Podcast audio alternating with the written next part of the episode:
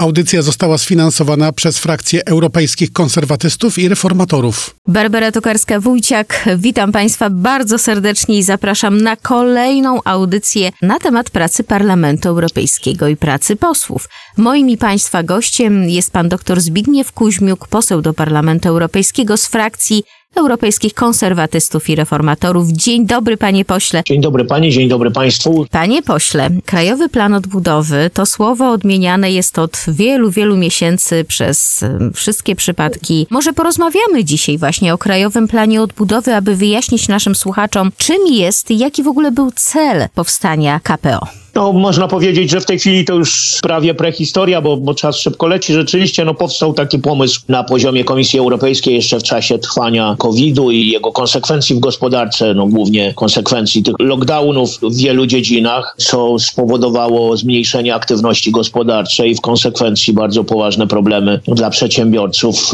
a także na rynku pracy. No i właśnie stąd ta nazwa no, odbudowy i jeszcze dodano budowy odporności, a więc takiego przygotowania się gospodarek krajów Unii Europejskiej do ewentualnie tego rodzaju niespodzianek w przyszłości. Więc to był i jest swoisty fundusz celowy właśnie mający po pierwsze odbudować gospodarki krajów członkowskich po tej pandemii COVID-u, no i zbudować ich odporność na przyszłość. Polska otrzymała czy, czy wynegocjowała kwotę 58 miliardów euro, choć plan, o którym mówimy, złożyliśmy tylko na część tej kwoty, na całość tak zwaną dotacyjną i część kwoty pożyczkowej. Kraje miały przygotować te poszczególne kraje członkowskie krajowe plany odbudowy, w skrócie KPO, wszystkie kraje to przygotowały, no a później była określona procedura uruchomienia. No w przypadku Polski mm, zastosowano jednak dodatkowe kryteria właśnie związane z praworządnością. No i niestety mimo upływu mm, dwóch lat ten spór z Polską ciągle się toczy. Przypominam, że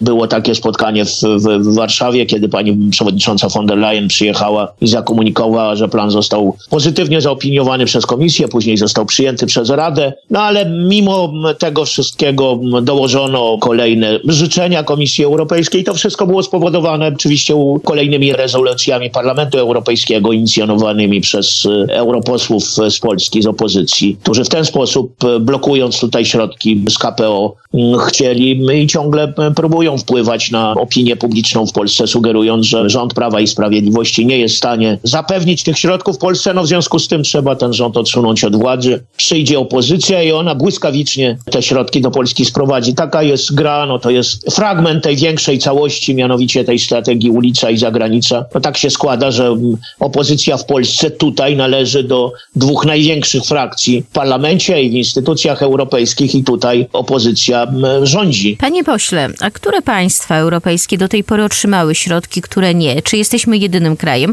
Chyba nie, no nie prawda? Nie, nie. Tych krajów jest aż pięć. Z różnych powodów z tych środków jeszcze nie, nie skorzystały. Oprócz Polski są także Węgry.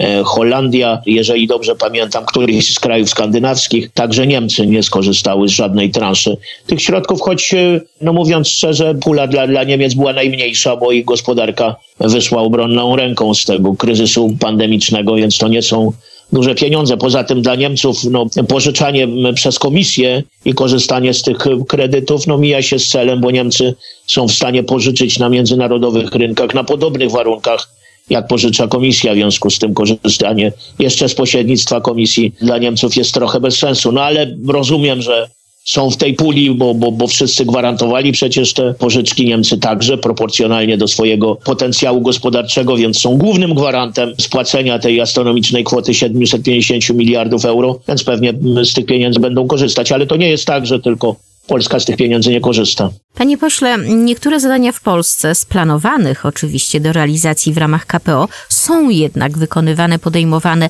Jakie są źródła w takim razie ich finansowania? Rzeczywiście taką decyzję podjął polski rząd. Te przedłużające się negocjacje no właśnie doprowadziły do takiej konkluzji, żeby przynajmniej część tych programów zapisanych w polskim KPO jednak uruchomić. No i rzeczywiście zdecydowano się głównie, co są te inwestycje tak zwane środowiskowe, także w rolnictwie pewne, pewne kwestie. Jeżeli dobrze pamiętam, chodzi o kwotę docelową w granicach chyba 4 miliardów złotych mniej więcej na takiej wartości inwestycje są finansowane. Tym razem no, nie z polskiego budżetu, tylko Polskiego Funduszu Rozwoju. To jest fundusz, który pożyczył na, na, na rynkach no, ponad 200 miliardów złotych, także w tym okresie covidowym i z tych środków były finansowane, było finansowane wsparcie polskich przedsiębiorców i pracowników. Dzięki temu także uniknęliśmy poważnych perturbacji związanych ze skutkami pandemii.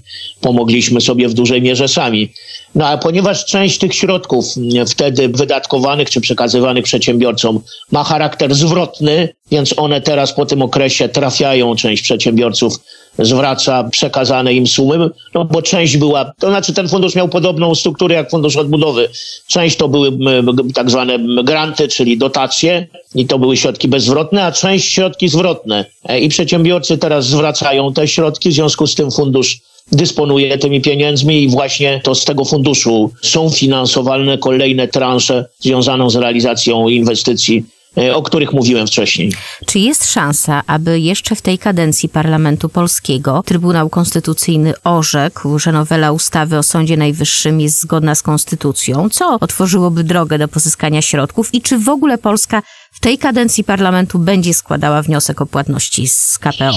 Wie pani, bez zdjęcia tej blokady, bo, bo właśnie często opozycja podnosi ten wątek, to jest oczywiście robienie trochę wody z mózgu Polakom. Wniosek o płatność możemy wprawdzie złożyć w każdej chwili, jesteśmy do tego gotowi. To jest obszerny wniosek sto, liczący sto kilkadziesiąt stron. On jest gotowy od y, wiosny tego roku. Tyle tylko, że no jego złożenie y, oznaczałoby, że za miesiąc otrzymamy odpowiedź od, odmowną, no bo mamy blokadę polityczną polskiego KPO i w tej chwili ten warunek jest taki, jak pani opisała, wejście do polskiego systemu prawnego tej ustawy, która jest w Trybunale Konstytucyjnym. Mówiąc szczerze, nie wiem, pani redaktor, jaka jest sytuacja w Trybunale dwukrotnie przesuwano ten termin rozpatrzenia tego weta prezydenckiego. Dokładnie nie weta, tylko odesłania do Trybunału. Przypominamy, że, że prezydent zdecydował się nie podpisywać tej ustawy, tylko odesłał ją do Trybunału. No i czekamy na to mm, rozstrzygnięcie, taki jest oficjalny.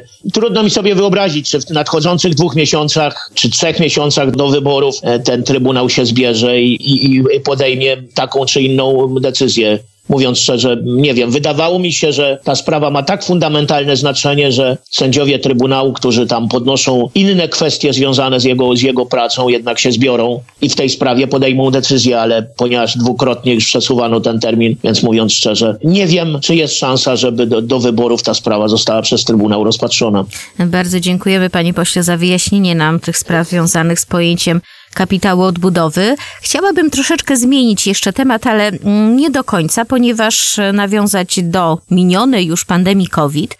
Parlament Europejski zatwierdził plan działania na przyszłe kryzysy zdrowotne. Tak z perspektywy czasu może chłodnym okiem spojrzymy na pandemię COVID. Jak pan ocenia przyjęty raport? To jest dobry dokument?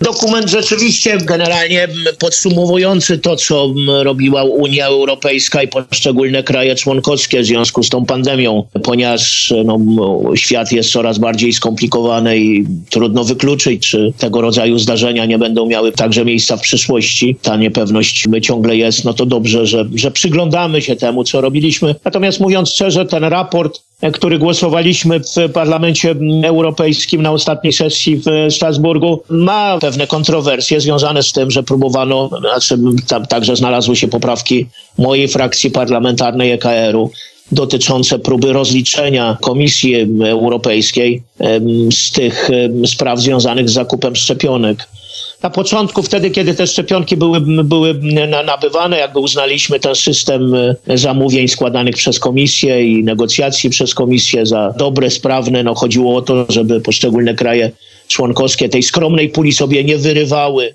tylko żeby było to wynegocjowane na poziomie Unii i sprawiedliwie rozdzielone bo przypominam, że, że na początku i przez pierwsze miesiące było tak, że na te szczepionki wszystkie kraje czekały. Dopiero później, jak uciążliwość tej pandemii stała się mniejsza i nastąpiło mniejsze zainteresowanie tymi szczepieniami, a jednocześnie dostawcy szczepionek weszli w fazę rozkręcenia swojej produkcji, zrobił się problem odwrotny. No i wtedy zaczęły wychodzić na jaw no, kulisy e, tych negocjacji, które okazuje się nie zawsze wiązały się z ochroną interesów samej Unii Europejskiej, a w konsekwencji krajów członkowskich, czyli mówiąc inaczej, mamy nadmiarowe, gigantyczne zakupy, za które trzeba płacić i środkami z budżetu unijnego, i środkami państw członkowskich. No i była próba jakby rozliczenia tego stanu rzeczy. No niestety większość parlamentarna na to nie pozwoliła. Te poprawki zostały odrzucone, a przypominam, że są sformułowane bardzo ciężkie zarzuty w stosunku do samej przewodniczącej von der Leyen. Tu jest taki ten niejasny wątek, no, który powinien moim zdaniem być wyświetlony, bo to klasyczny konflikt interesów. Otóż okazało się już po tych negocjacjach, że małżonek pani von der Leyen jest zatrudniony w jednej ze spółek zależnych od tego największego koncernu dostarczającego szczepionki Pfizera. No i w związku z tym pojawiły się natychmiast podejrzenia, że, że właśnie ta hojność komisji w stosunku do producentów szczepionek, te, te, te bardzo korzystne warunki dla tych firm, no w, w jakiś sposób mogły być spowodowane tą zależnością. Nawet proszę sobie wyobrazić, że większość parlamentarna lewica, ale także EPL, bo tak się składa, że posłowie EPL-u siedzą także obok mnie, więc widziałem jak głosowali e, w tej sprawie, odrzucili nawet taką poprawkę polegającą na tym, żeby pani von der Leyen wytłumaczyła się, czy wyjaśniła wszystkie te kulisy przed Komisją Parlamentu Europejskiego, która zresztą działa i została powołana